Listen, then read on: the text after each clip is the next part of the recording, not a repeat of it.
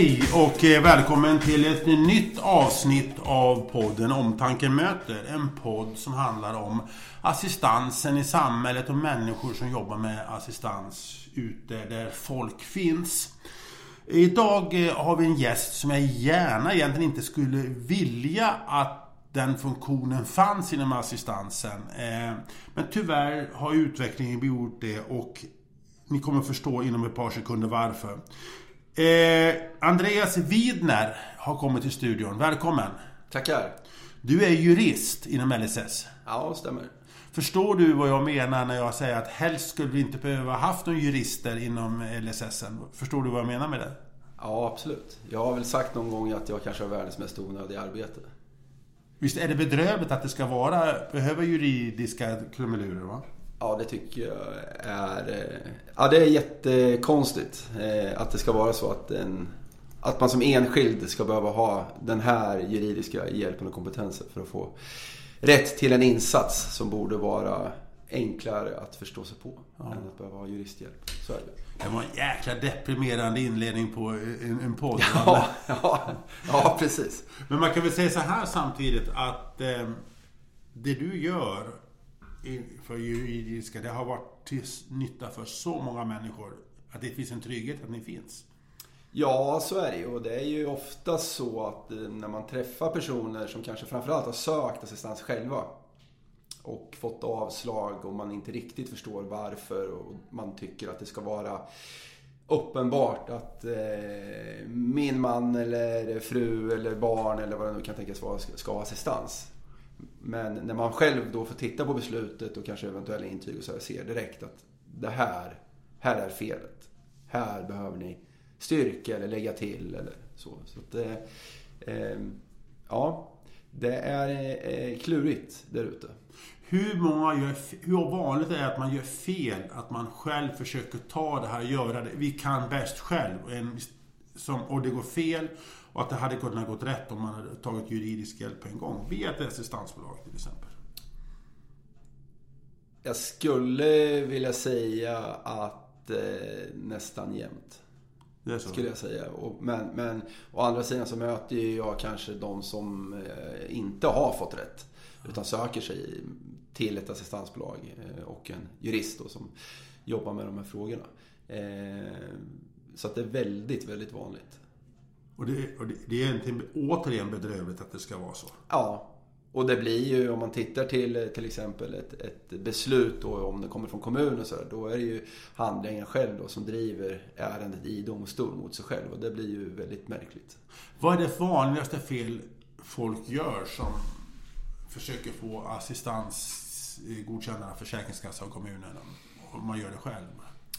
Jag skulle säga att man inte är tillräckligt förberedd inför mötet. Man vet inte riktigt vad det är som kommer efterfrågas. Eh, jag skulle också säga att man inte riktigt vet eh, hur, hur besluten är uppbyggda så att säga. Det här med personkrets och vad är grundläggande behov, vad är övriga behov, vad krävs för att få ett hjälpbehov eh, att klassas som ett grundläggande behov och så vidare.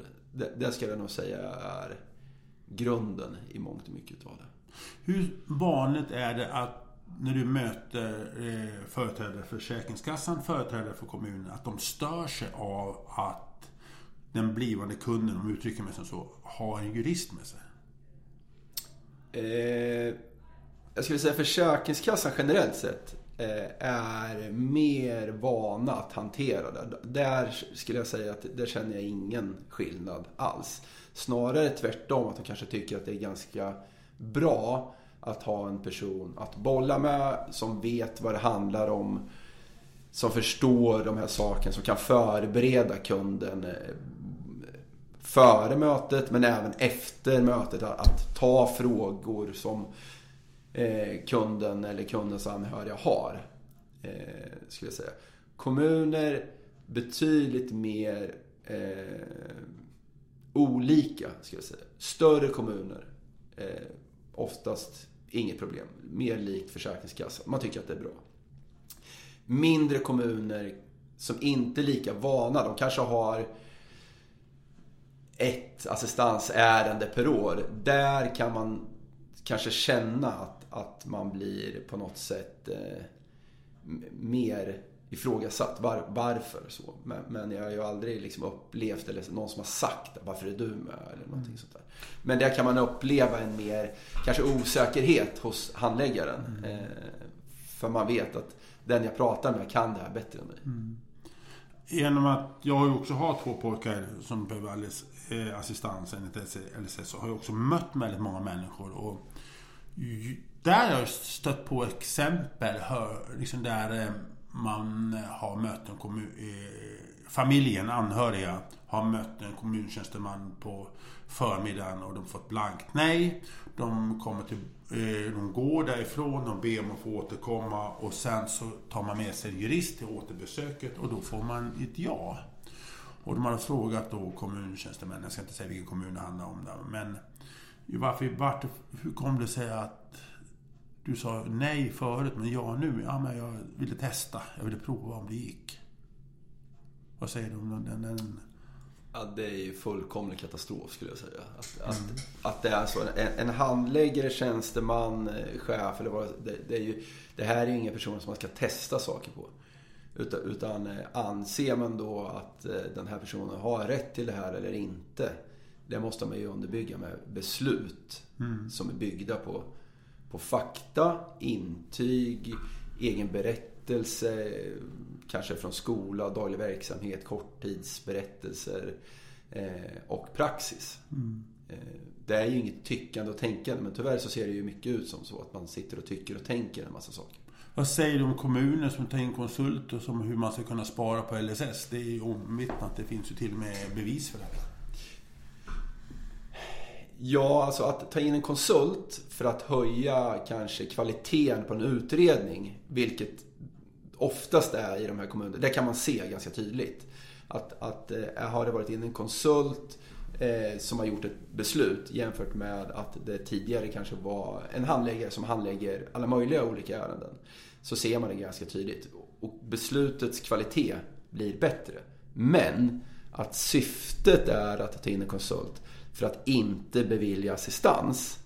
Det är något helt annat. Det är ju... Eh, ja, det är ju... Jag vet inte vad jag ska säga. Det är ju bedrövligt skulle jag säga. Mm. Det var så mer vanligt kanske för 7-8 år sedan än vad det är idag. Har jag förstått ändå. Det har gått rätt håll. Ja, det är det. Och sen är det det att många konsulter som, som är ute är ju väldigt duktiga så att säga. Och, och fördelen kanske också att ha en konsult är att de inte liksom det, kommunen är inte heller deras närmsta chef på det sättet. Mm. Men absolut, har man stött på det. Vi kommer tillbaka till ditt eh, jobb och vad du gör och eh, det viktiga jobbet du ja. gör. Eh, men jag måste först fråga, vem är du? ja, vem är jag? Jag är Andreas Winer och jag är 45 år, har tre barn, en fru, bor i Örebro. Gillar eh, sport i allmänhet, med fotboll och hockey kanske i, i synnerhet. Sådär. Och gillar ju mycket grejer med England. Alltså, sådär. Så du gillar England? England är, är, är min eh, grej att åka till. Jag åker hellre nästan till, till England än åker på solsemester till Mallorca. Vad gör du att du gillar England så mycket? Jag vet inte. Alltså. Det är någonting där som jag gillar. Alltså. Stämningen, känslan? Stämningen, känslan och, och i och med att jag gillar fotboll så, så tycker jag ju om den engelska fotbollen. Eh, sådär. Eh, har ju West Ham som favoritlag. West Ham? Ja. ja eh, Spelar de fortfarande på Olympia Arena? Eller har de ja, absolut. Upton Park? Upton Park. Ja. ja, exakt. Ja, vilken, de är, vilken är deras arena idag? Ja, det är ju London Stadium. Ja, det är OS-stadion. Ja, det är OS-stadion. Tyvärr. Du, du tycker jag det tyvärr? Nej, jag saknar ju... Jag saknar ju Upton Park och Boiling Ground. Så är det ju. Ah. Så att eh, jag var där för eh, två veckor sedan. Och eh, det var första gången jag åkte ut till Upton Park Station och Green Street och där Upton Park fanns mm. tidigare. Mm. För det är första gången sen, sen, ja det är nästan tio år sedan som, som vi var där.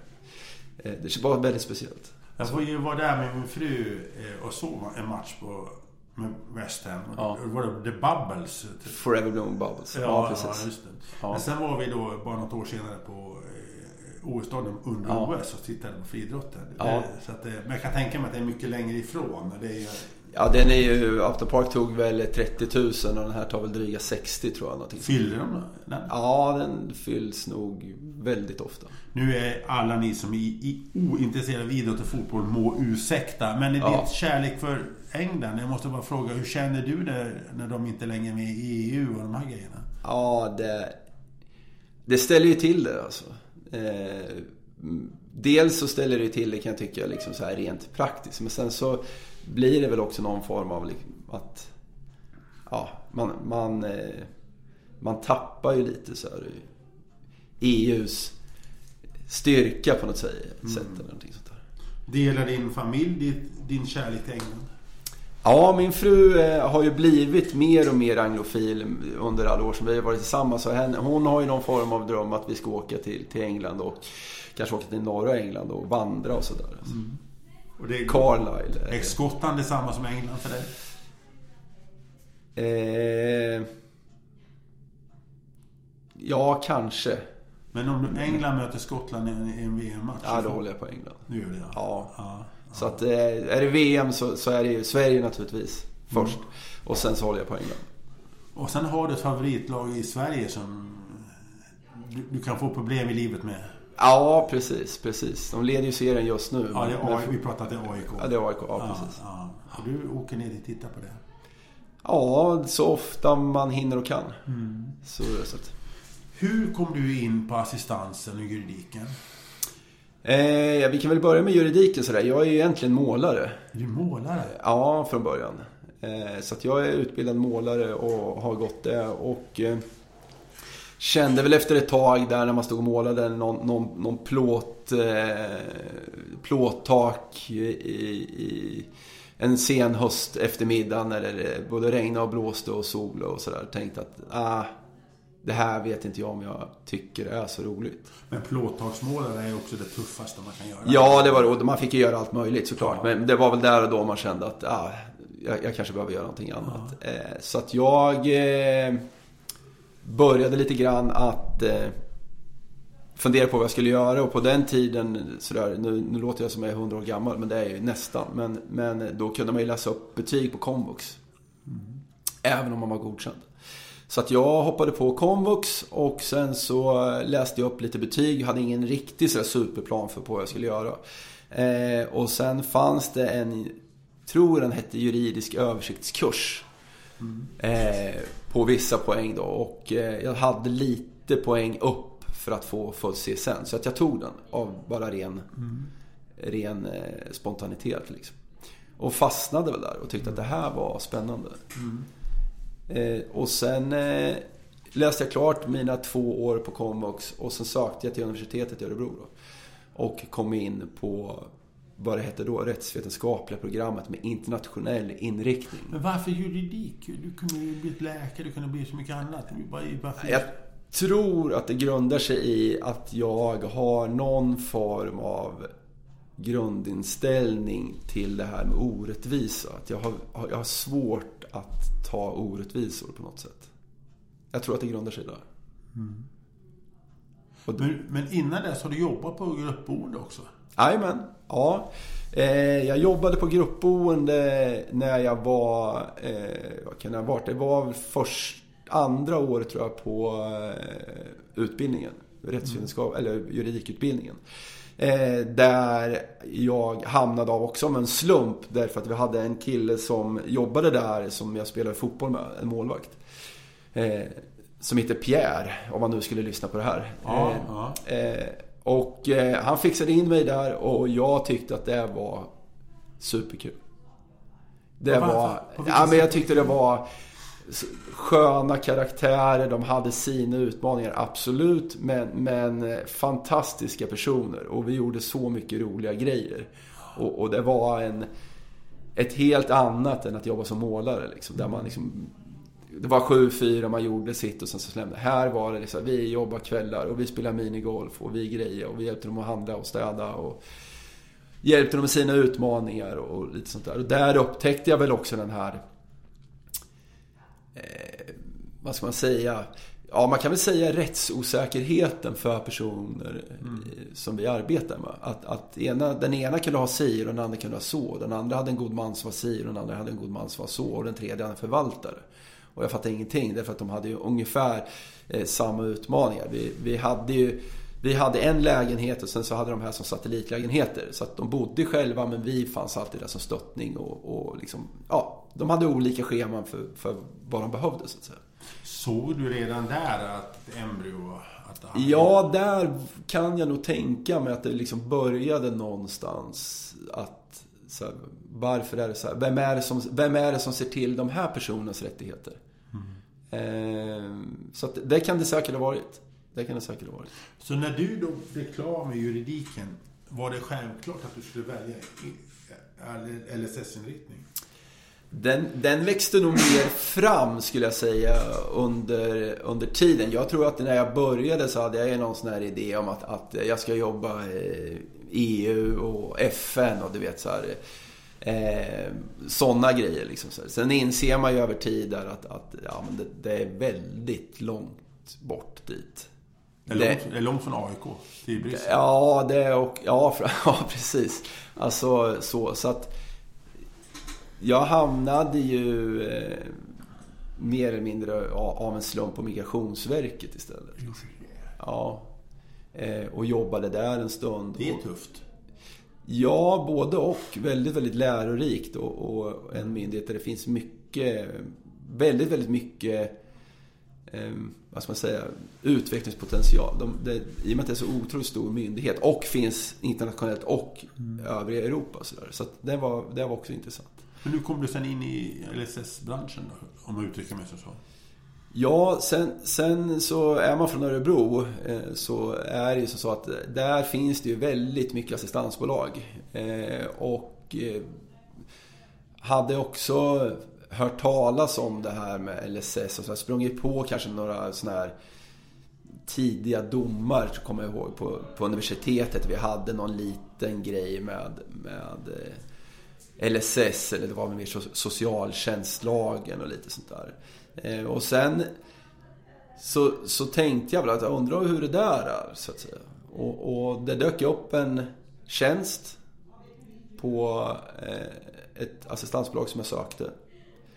Jag fick den och eh, det var ju där jag träffade min nuvarande chef, Patrik. Då. Ja, Patrik Alvin. Patrik Alvin, ja, ja. precis. Så på den vägen är det. Och nu är jag inne snart här. Det är otäckt att säga men det är, jag är inne som jurist på mitt elfte år. Inom. Elfte år, ja. ja. Hur, hur kände första tiden? Hur upplevde du att du kom in i en värld som var väldigt speciell? Otroligt förvirrande och frustrerande och roligt. Nu snackar vi snackar du om 11 år, ungefär 2010, 2011. 2011 började jag. Ja, 2011, ja. Och då börjar då eh, på allvar utmaningen för LSS. Bland annat då så, om man uttrycker mig lekmannamässigt, certifiera alla bolag bland annat. Den biten. Du ja. var med i den matchen. Ja. Jo, men det, det gjorde vi och det var ju också en tid där, där om man jämför idag, det är, säg 10 år då, bara för att göra det enkelt. Så, så var det så att på den tiden så var, hade vi jättemycket att göra. Det var jättemycket ärenden. Vi hjälpte massor med personer. Och det som sticker ut från då till nu. Eh, det var ju det att hade vi då en person som vi hjälpte att söka till Försäkringskassan. Eh, så fick de nästan alltid beslut. Ett, ett bra beslut. Bra, ja. okej okay beslut. Ja. Utan det man gjorde då, det var ju så här, okej, okay, starta upp assistansen, börja med beslutet. Ska vi begära omprövning, överklaga och så tar vi det från det så att säga. Mm. Eller så ska vi göra så här att ni provar på att köra så här, är det här timmar som räcker? Eller så söker vi en utökning om sex månader, mm. ett år. Mm. Eh, Medan det gick väldigt, väldigt snabbt, kanske bara på en fem sex år därifrån. Där man nästa till skulle kunna ta schablonpapper på samma person, söka och man inte ens tillhörde typ personkrets. Ungefär så. Men den stora, håller du med mig om att den stora utmaningsåret blev 2015-2016 där. Eh, Ja, skulle jag säga. ja. Ja, det skulle jag säga. Vad var det enligt dig som hände? Dels så kom det ju eh, praxis som, som ställde saker och ting till... eh, Ja, ställde till det helt enkelt för många.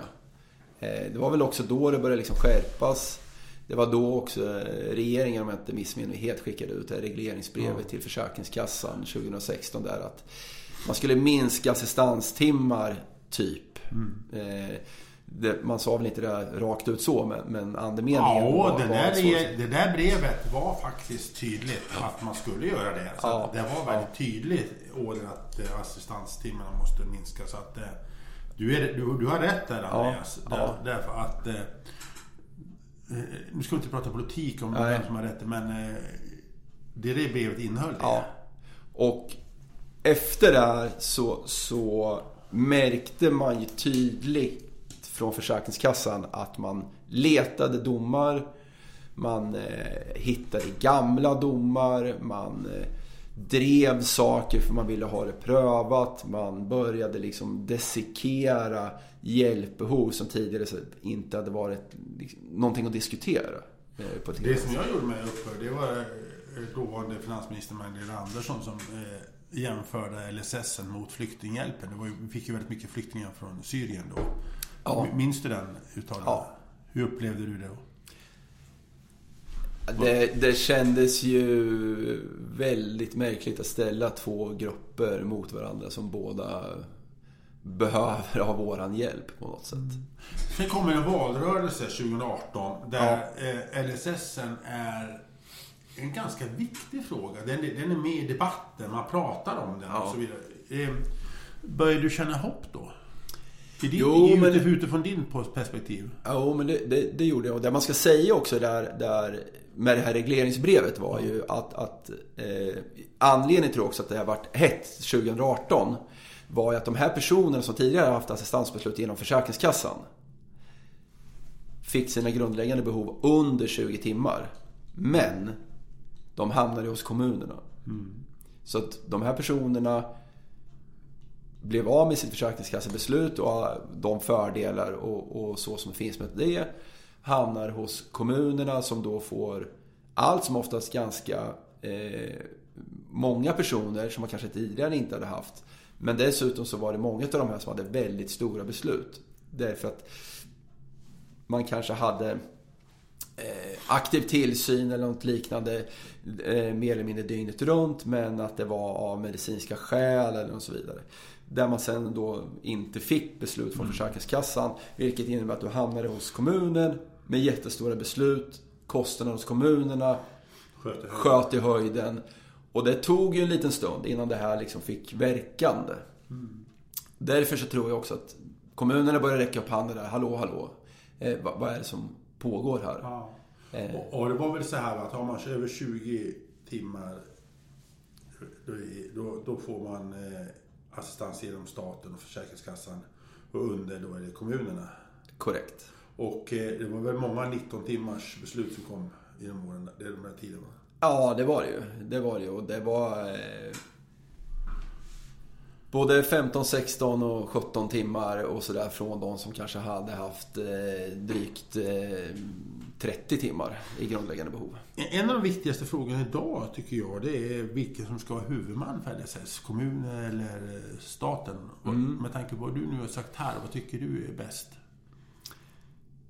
Ja, min, min känsla är ju att, att eh, personlig assistans ska utredas av staten.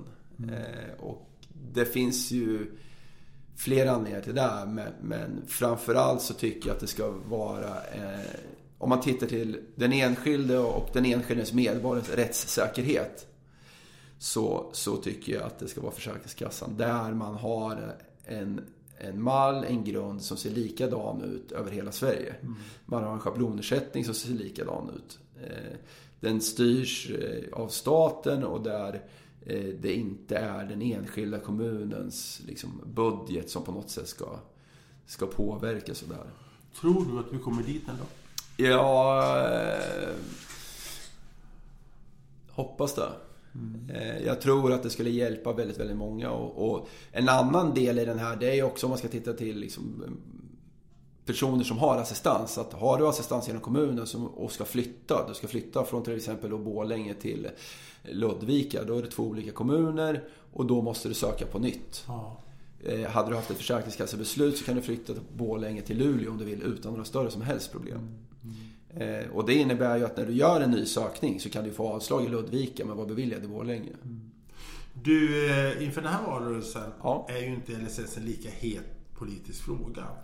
Eh, hur tolkar du det? Tolkar du det som att eh, alternativ ett, att politikerna sopar under mattan välvill, under välviljans blöta filt som eh, LSS-skaparen Westerberg sa någon gång. Ja. Eller tolkar du det som att det har blivit bättre? Att det inte behövs den här debatten? Att det, för regeringen har ändå gått ut med åtgärder för att stärka assistansen och LSS. Eller hur hur upplever du situationen idag jämfört med för fyra år sedan? Jag tror att det finns andra ämnen som är hetare. Eh, och där man eh, kan få mer röster än vad det gäller LSS. Då frågar jag så här, hur är situationen för LSS-assistansen idag jämfört med samma tid 2018? Jag skulle säga att den är marginellt bättre. Eh, den är bättre därför att kom ju en ny lagstiftning om att andning och sondmatning ska vara grundläggande behov till exempel. Eh, så det är ju bättre. Och, och, eh, för de som lyssnar på det här så låter det ganska sjukt tror jag att säga att andning är ett grundläggande behov. Eh, utan att vi andas så kan vi inte överleva. Mm. Det är ju väldigt enkelt. Men så har det varit. Eh, samma sak med att få i sig föda. Eh, oavsett om du äter med kniv och gaffel eller om du har sondmatning eller hur det nu är. Men, men så har det varit. Det har inte varit ett grundläggande behov. Så där är det lagstiftat och det har varit också genom praxis så att det jämfördes eh, att sondmata en person med att äta med kniv och gaffel. Det är ett grundläggande behov. Och hur har det blivit i verkligheten? Eh, det, absolut har, har vi sett att det har varit fler personer som har fått eh, assistans. Eh, absolut. Men, men de personerna har ju också haft hjälp med sondmatning eller andning. Och, och de är inte jättemånga. Eh, men det är superbra för de som har fått den hjälpen. Men jag har fått en uppfattning, eller upplever det, nu, nu, nu är jag ute och seglar kanske, men att Försäkringskassan inte alltid följer regeringens beslut i det här fallet. De slirar, slirar eller har jag fel? Jag skulle nog säga att du har nog ganska rätt. Eh, allt som oftast så är det ju som så att, att Försäkringskassan eh, lutar sig då kanske mot sin vägledning och säger att enligt vägledningen är det si eller så. Och, så där. och då ska man ju veta att vägledningen är just vad den är. Vägledning, det är ju ingen praxis eller juridisk doktrin överhuvudtaget. Mm. Utan det är en handbok för en handläggare hur man arbetar med olika frågor på, på Försäkringskassan så att säga.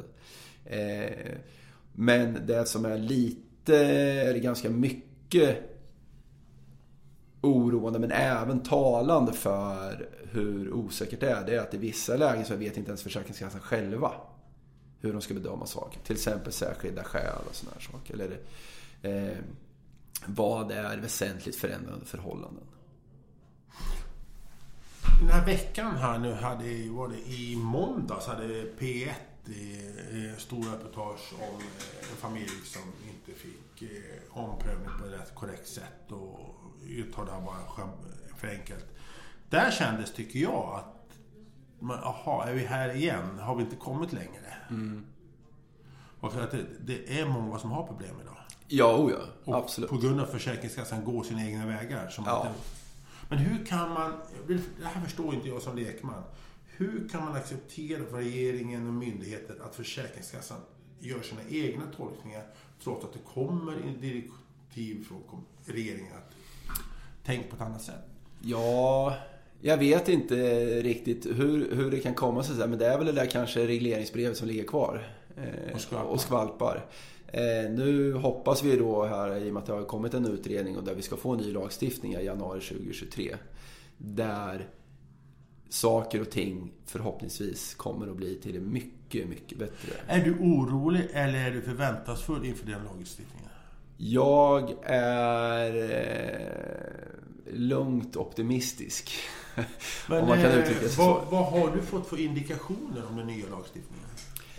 Ja, men den är, I det stora hela så, så tycker jag att, att det är bra. Eh, Det finns flera saker man skulle absolut kanske kunna skruva på ytterligare. Nu har vi inte sett exakt hur det ser ut. Men, men eh, jag tycker att det är i stora drag är det väldigt, väldigt bra. Vad är det som är bra? Nej, men det, det, man, det som är bra är också att den, den eh, som jag pratade om förut, det här med rättssäkerhet. Alltså det, rättssäkerhet är ju något som är otroligt viktigt för oss. Och myndighetsbeslut ska vara både rättssäkra och de ska vara förutsägbara. Så att säga. Om man tittar till någonting som heter eh, föräldraansvar, som man arbetar mycket med inom eh, LSS och assistansersättning, så är det ju som så att Försäkringskassa och kommun eh, när de gör ett, en utredning om assistans för ett barn ska också göra någonting som heter föräldraansvar. Vad hade man normalt sett gjort för det här barnet i motsvarande ålder? Så att säga. Om den inte hade haft sina utmaningar och funktionsnedsättning. Och det där avdraget har ju varit konstant luddigt. Det är ju... Jag har nog aldrig varit med om att någon någon gång har redovisat hur mycket det här ansvaret är i minuter och timmar. För det är, Det är de vi- här klassiska frågorna. Hur lång tid tar du på toaletten? Ja, alltså man säger så här, ja det här, den här personen, det här barnet behöver ha hjälp med det här och det här. Den behöver ha hjälp med toaletten, den behöver ha hjälp med att klä på sig, den behöver ha hjälp att äta, den behöver ha hjälp med massor med olika saker. Men vi bedömer att det ligger inom det normala föräldraansvaret. Därför så avslås ansökan. Och då blir jag lite så här, okej. då vet vi det, ni har avslagit. Men hur mycket tid har ni dragit av? För ni måste ju på något sätt ha räknat ihop en pott. Vi säger nu på en vecka, det är 40 timmar. Hur mycket har ni räknat av för normalt föräldraansvar? För att det ska bli ingenting. Men du, kommer det bli mer tydligare nu? Det, det kommer att bli mycket mer tydligt. För där har man ju pratat om att man ska göra en schablon helt enkelt. Att barn mellan 0 till 3 till exempel. Det, vi kommer dra så här mycket.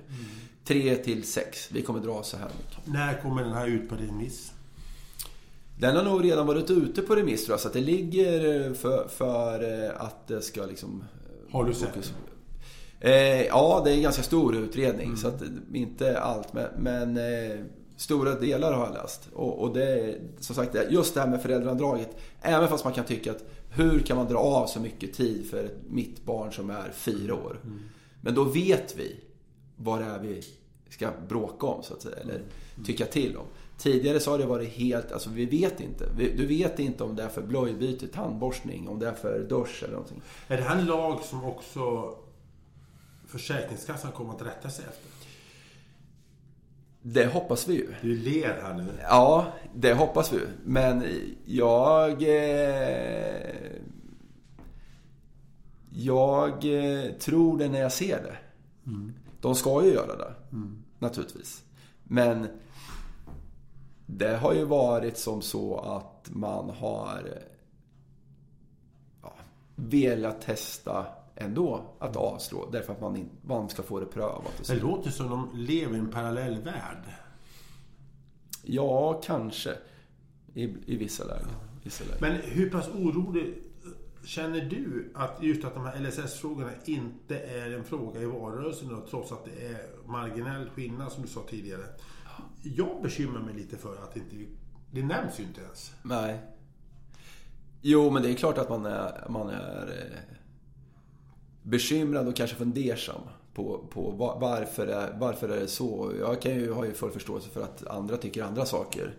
Eh, så, men, men det här är en så pass stor och viktig fråga. Så det här, är, det här handlar ju om att, att personer, våra kunder eller de som vi hjälper ska ha samma möjlighet att leva och ta del av samhället som du och jag har. Mm. Nu ska vi inte peka ut någon partier eller något sånt där. Det är väldigt viktigt. Utan vi ska vara neutrala. Men jag tänkte så här att generellt sett om man eh, tittar vad partierna säger i de här frågorna. Så alla vill, alla har den goda viljan och naturligtvis så ska vi stå upp för LSS och så vidare. Men, man, men det är mycket prat och det är olika handlingar. Håller du med om det? Ja, det är det ju. Eh, och och eh, det, det som blir också väldigt intressant och, och det som blir... Och där man också blir fundersam är att ibland när man hör politiker prata, ganska högt uppsatta politiker, så märker man att den här personen har ingen koll på det här. Mm. Eh, och, och, man har väl sett klipp från debatter där det kanske är politiker från eh, partier som har verkligen satt sig in i det här. Mm. Eh, ställer frågor till andra mm. partier mm. som svarar något helt annat eller svävande eller sådär. Och då kan jag tycka att då, då, är man ju inte riktigt seriös på något sätt. Mm. Att, att, har du inte koll på det här. Mm. Och jag förstår att man inte har stenkoll på assistans. För det är väldigt, väldigt komplicerat. Mm. Men enkla saker borde man kunna svara på. LSS-reformen kom ju 1994. Mm. Eh, nu är det ju då 30 år sedan, om två år, den kom in. Hur tror du att den kommer se ut då och om fem år till? Jag tror att det kommer se bättre ut. Jämfört med? Med, med ja, idag. Ja, jämfört med idag. Ja. ja. Eh, jag tror att med den nya lagstiftningen och, och den lagstiftning som kommer gällande andning och sondmatning och man ska också säga andemeningen i utredningen. Där, där, liksom, där, där man skriver ofta att man ska inte börja, man ska ta bort de här detaljfrågorna och man ska liksom inte stycka upp hjälpbehov i olika utan man ska liksom se en mer helhetlig syn på varje hjälpbehov så att säga. Du, eh, med om dig nu. Nu ja. lämnar vi det på storpolitiska. Nu ja, ja, exakt. Till dig. Eh, vad driver dig i ditt jobb? Att varje dag jobba med de här frågorna? För det är ganska utmanande, det är känslor och det är... Du, jag tänker att... Jag kan inbilla mig att du inte alltid är oberörd i de fallen du ser? Nej, långt därifrån. Det, det är ju... Man har väl på något sätt eh, skaffat sig en erfarenhet och lärt sig saker att, att eh, koppla på och koppla av. Eh, men ibland så, så glömmer man eller man kanske inte tänker på att koppla bort. Utan man, man styrs känslomässigt. Eh, och det är ju framförallt kanske när man träffar personer som behöver ha väldigt, väldigt mycket hjälp. Tar du med dig tankarna hem? Inte jätteofta så. Eh, ganska bra på att lämna det där och då. Men, men jag kan ju komma på mig själv att jag kan sitta och fundera på, på en formulering i ett överklagande en fredagkväll. Absolut. Men du, men du, vad driver dig? Det, driv, det är nog rättvisan tror jag. Det är det? Ja, det, det är den här... Uh, att man inte får... Ja, orättvisan. Eller att rättvisan ska, ska, ska, ska, det ska vara rätt. Mm. Att, uh, och så tror jag ganska mycket att den här... Uh, den enskilde mot staten, om du ska mm. prata så. Att, att få hjälpa till där. Eh, eh, det är det att, att, ja, på något sätt. Man står på den svaga sidan. Nu ska vi inte ta nämna, men ändå, mm. liksom ändå, du kan, säg vad du kan säga, men finns det något fall som du, där du har gjort det extra lycklig? Att det här har gått så bra? Alltså någon familj eller ja, något som har mått väldigt dåligt ja. och sen har lyckats. Kan du utan att eh, citat hänga ut slutcitat familjen. Men ja, absolut. Ja, ja, men absolut. absolut. Jo, men det kan, det kan jag Och det är så här, i, i närtid så är det ju bara någon vecka sedan. Mm. Eh, där vi eh, hjälpte en en person. En person, ett barn kan vi säga. Mm. Där Försäkringskassan från början i kommuniceringsstadiet säger att det här är inte assistans, det här är inte styrkt, det här är normalt föräldraansvar och så vidare. Eh, men där vi Ja, jag säger vi därför att föräldrarna hjälper ju naturligtvis till också. Sen så är det jag som driver det så. Men, utan föräldrar och anhöriga som är proffs och kan liksom hjälpa till med intyg så kommer man ingenstans. Men, men där vi nu har fått ett beslut där föräldrarna är nöjda och, och går från noll sekunder i veckan till 15 timmar per dag. Eh, är ju fantastiskt kul och det jag vet att, att man har krigat länge. Hur kände du när beskedet kom? Ja, lättnad såklart. Eh, känner väl att eh, otroligt skönt att få meddela det här till föräldrarna. Hur var, hur var läget då när du fick tala om för dem? Eh, ja, hela familjen var förkyld när jag ringde. Så att, så att de hade nog följt upp med det. Men, men jag, i förkylningstimmen så tror jag att de varit väldigt, väldigt glada. Märkte du det? Ringde du upp? Och... Ja, mm. ja. Vad betyder det för den här familjen då? Att få det här beskedet? Liksom det är ett vardag. Vad betyder det? Jag tror att det är ovärderligt. I den här familjen finns det ju dessutom syskon. Mm. Och de glöms ofta bort i de här utredningarna. Fast det står i propositionen att man ska titta på familjesituationen. Att man som familj ska kunna leva så likt som andra. Mm. Eh, och så vidare. Så det tror jag är en super... Eh... Så de kommer få ett bra, bättre liv nu? Liksom att du jag, jag, jag, tror att de kommer få ett eh, närmare normalt liv än många önskar sig. Liksom, mm. att, att, och den här personen som är föremål för assistans, ja. jag uttrycker mig så. Eh, kommer den här personen att också få ett bättre liv? Absolut. På vilket och, sätt? Ja, framförallt så blir det ju som så att personen i fråga behöver ju inte lita på att sina föräldrar ska ställa upp jämt. Mm. Eh, nu är ju den här kunden Eh, ett barn så att säga. Men, men det här barnet ska ju också ges möjlighet att utveckla sig själv, bryta sig loss från sina föräldrar, skaffa sig en egen person och så vidare. Att inte lita på att mamma och pappa kommer och hjälper mig. Och de grejerna sätts tidigt i åldrarna. Du, ja, ja, jag, menar, jag kan tänka mig att du lär dina barn verktyg ja. vad de ska ha när de är yngre. Absolut. Har du något mer spännande? Jag tycker det är, vi, vi, pratar, vi fastnar ofta vid de här tragiska exemplen. Ja. Men har du något annat favoritcase utan att du liksom röjer namn och bakgrund. Men som du gärna tar med dig och känner. Ja, jag har ju, det här är liksom den senaste nästan ja. till. Och sen har jag ett, ett ärende från, från typ mitt första eller andra år när jag eh, började.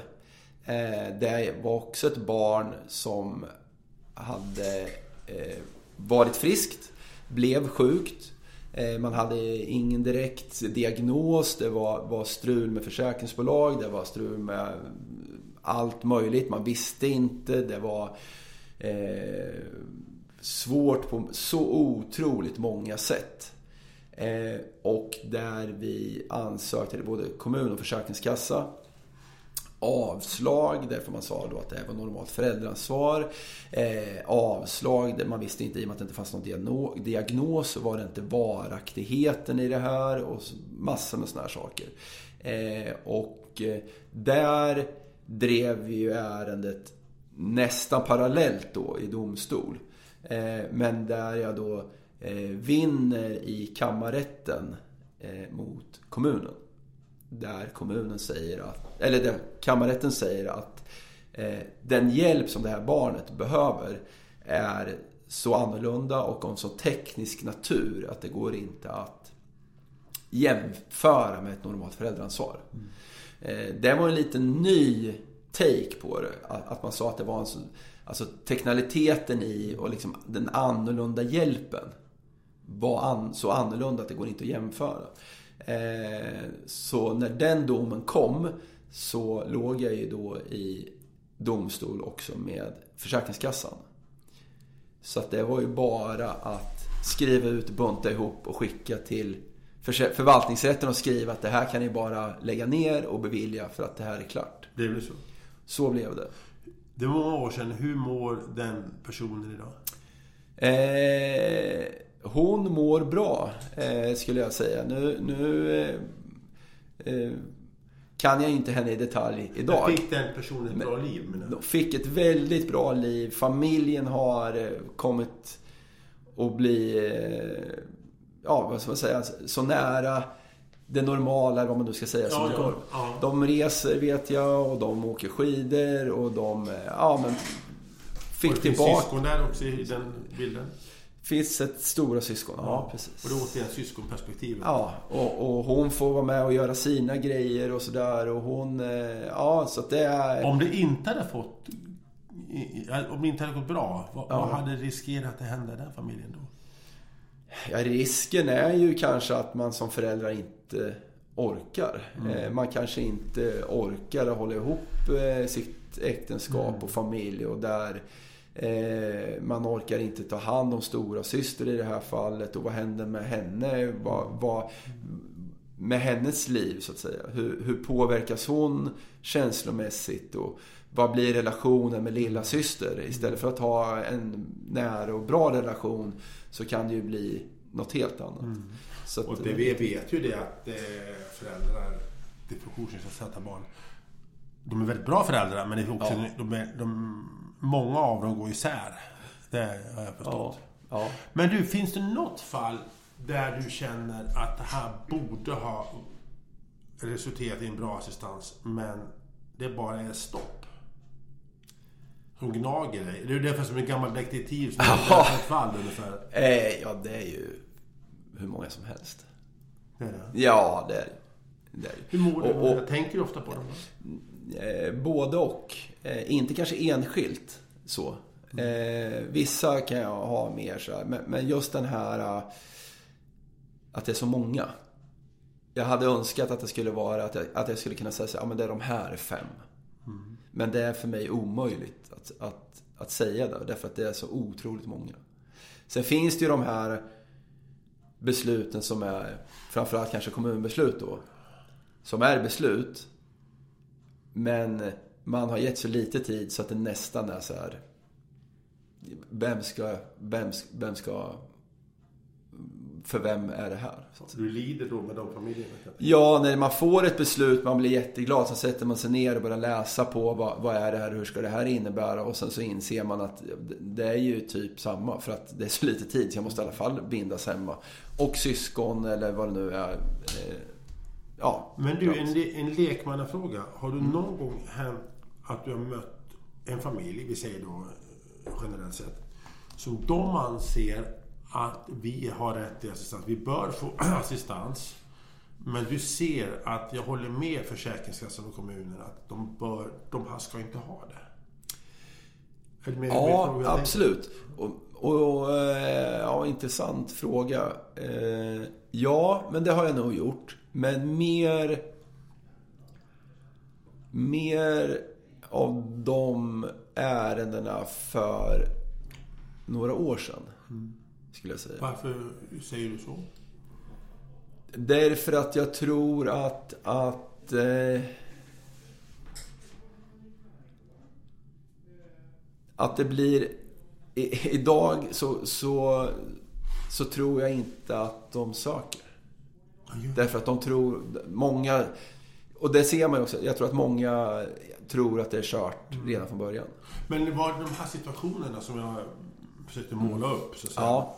Har det varit svårt för dig då att förklara för den här familjen, nej men ni, ni, ni har inte rätt. Ni, ni, ja, men det, det, kan det ju vara. För är det en av de svårare delarna på jobbet? Kanske? Ja, men det skulle, jag, det skulle jag säga. Därför att man, allt som oftast är man ju väldigt, väldigt sliten kanske. Ja. Man, har, man har kämpat, man kanske har varit på sjukhus länge, man har... Men, ja. men, men om jag skulle säga, men Andreas, det är din uppgift att se till så att jag får assistans. Ja. Och då, då skulle jag säga så här att om, om jag säger nu det här, då, då kommer jag att ge dig falska förhoppningar. Ja. Vilket blir ännu värre. Och det är det det gäller ja. att vara realist. Ja. Mm. Och, och, Däremot kan man hjälpa till då med, med andra insatser. Alltså assistans är inte det enda som finns inom LSS. Vad är andra insatser då? Ja, man kan ju ha kortis, man kan ha avlösare, man kan ha eh, kontaktpersoner eller vad det nu kan tänkas vara. Så det finns ju andra också. Mm. Så är det. Du, eh, vad gör du om fem år? Då jobbar jag kvar. Vad är för skillnad, de, bara för undervisningsfråga. Mm. Du är jurist. Ja. Det gäller att skicka in advokater. Vad är skillnaden? Ja, advokat så måste man ju bli licensierad som advokat och gå advokatutbildning och göra vissa timmar och sånt där. Och det, men är effekten lika mycket med en jurist som advokat? I de här ärendena? Ja, i de här ärendena, effekten. Ja. Jag tänkte, det är lite, lite lekmanna under, ja, undervisningsfråga. Eh, jag skulle säga att advokatbyråer eh, rent generellt sett. Om vi, då får vi titta till de som driver civilmål. Så att ja. Affärsadvokatsbyråer är ju inte aktuellt. Eh, är inte jättemånga som, som driver de här ärendena. Eh, utan det är ju kanske brottsmål och, och sådana saker som är... Men det finns ett fåtal som det, driver? Det, absolut, det gör det. det, gör det. Och jag menar, är, har, jag försöker, eh, har de mer kött på benen eller kan de mer än vad du kan? Jag försöker bara lyfta fram. För vi, jag vet att det finns en stor stolthet inom, jag vet att Omtanken assistans till exempel och ja. assistansexperter för det du gör. Men jag vill bara liksom få folk att förstå skillnaden. Eh, eller är det bara mer... Jag skulle kanske säga, det, det är ju svårt för mig att, att, svara på om de, om de kan det här bättre. Mm. Men om man säger så här att det här är det jag gör. Mm. Eh, varje dag, eh, varje vecka, varje månad, varje år. Men vad jag tänker så här, en advokat jobbar mm. på en byrå, de är mm. där, de är inte riktigt inne i verksamheten. Nej. Du, du sitter ju bevisligen i samma korridorer som assistans, liksom kundansvariga och, och, och så ja, vidare. Du, du lever med med verksamheten, ja, ja. eller hur? Ja.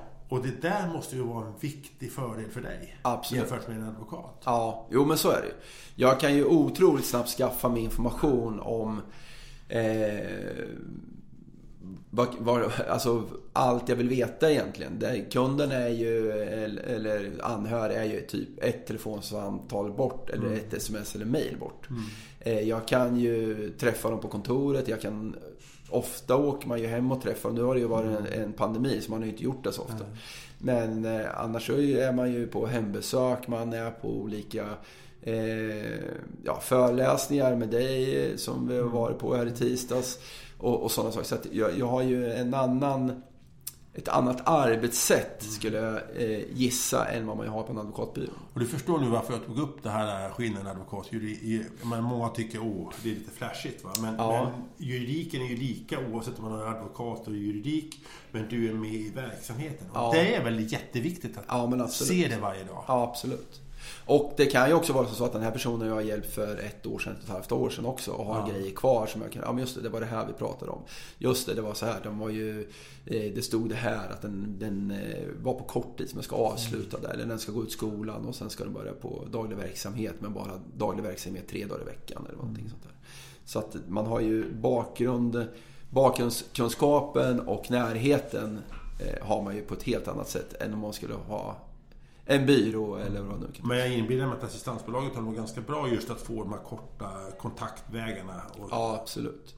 absolut. Hur många gånger kramar du dina barn hemma och tänker Åh, skönt att inte ni har de här funktionsnedsättningarna som jag möter i jobbet? Det är nog mer sällan än vad jag kanske borde göra. Mm. Eh, Sen vet jag inte om jag skulle tänka att åh vad skönt på det här sättet. En span är en span oavsett vad. Men nej, inte, inte, jag tror att jag skulle behöva kanske reflektera mer över det. För det är ju det att när man får barn så har man ju drömmar om barnens framtid. Ja. Alla föräldrar har ju det. Men barn som får funktions, blir funktionssätta, det blir störningar i de drömmarna. Ja. Ja, nej men det, det, är ju, det är ju reflektioner man gör. Eh, och de kommer ibland oftare eller mindre. Det beror på lite grann också vad det är man jobbar med, vilka ärenden man För har. Så känner ju jag. Jag har ju då två grabbar som har ju då Angerman, en variant av Angerman. Så har jag en dotter då som är som vi alla andra. Och där har jag ju många gånger tänkt liksom, härligt att du är, inte har de utmaningarna som dina bröder. Ja. Det är liksom, det är sådana djupare tankar man kommer igång ja. med. Du, eh, mm. fram till det som viktigaste avslutningsvis. Som ja. jag tyckte var skönast med det här samtalet. Att du hyser en optimism ändå för LSS i framtiden. Med den nya lagen 23. Du tror att det kommer att bli mer struktur och ordning och ja. reda. Jo, men det, det, tycker jag. Och det, det som är att det har varit så ofantligt rörigt i det här. Det, det har varit så mycket eh, varje ärende har varit så otroligt mer, eh, vad ska man säga, omständigt än vad det har varit förut. Det har varit sök dit, indragning där, sök där, aha, avslag där, sök si, sök så. Oj, nu vart det korttids istället eh, för att vi inte fick mm. assistans. Jag måste säga upp mig på jobbet och fram och tillbaka och fram och tillbaka. Avslag till Försäkringskassan överklaga, driva det ärendet, söka snabbt till kommunen, Eh, kanske avslag även där eller delavslag eller vad nu kan tänkas. Driva det ärendet också. Eh, hålla reda på de här sakerna. Vilka är intyg? Vad, lugna personer eller förklara för personer. Fram och tillbaka, fram och tillbaka. Medan tidigare så var det ju liksom så här, söka, avslag, söka, beslut, söka, delavslag. Det var ett annat flow på hur, hur, eh, hur ärendena såg ut. Medan och det är det du tror kommer bli i framtiden mer? Ja, jag hoppas det. Jag tycker den positiva framtidstron tycker ja. jag vi tar med oss nu när ja. vi börjar närma oss slutet på det här poddavsnittet. Är inte det en bra avslutning på? Det... Vi tror på det här nu va? Ja, det gör vi. Det är stenhårt. Ja, jag, det måste vi göra. Ja, din optimism gör mig glad i alla fall och så vidare. Men och nu, vi, vi ger oss ju inte, även nej, om det inte skulle Då får vi fortsätta ju. Nej, vi upp på barrikaderna. Ja, amen. med, och få hjälpa de utsatta. Men hade, jag hade inte protesterat om du hade varit eh, pessimistisk. Men du, du, du ändå har den positiva framtidstron. Och den, jag tycker det är bra. Och med det, ja. med den, den eh, positivismen tycker jag jag avslutar det här. Och eh, Andreas, tack för att du ville komma hit. Stort tack för att jag fick komma. Ja, och eh, lyssnare, tack för att ni har lyssnat. Hoppas ni har berikat eh, eh, vårt samtal om juridik och assistans. Alltså återigen, juridiken skulle egentligen inte behövas i det här, men nu finns det här. Så jag hoppas att ni har det bra där ute. Och jag som tackar er allihopa jag heter Anders Hansson. Och eh, vi kommer tillbaka med fler avsnitt utav podden Omtanken möter. Och vilka de gästerna blir, det får ni vara med om snart. Så häng med oss på vår hemsida omtankenassistans.se så får ni se sen vilka som kommer. Ha det bra där ute. Sköt om er. Hej då.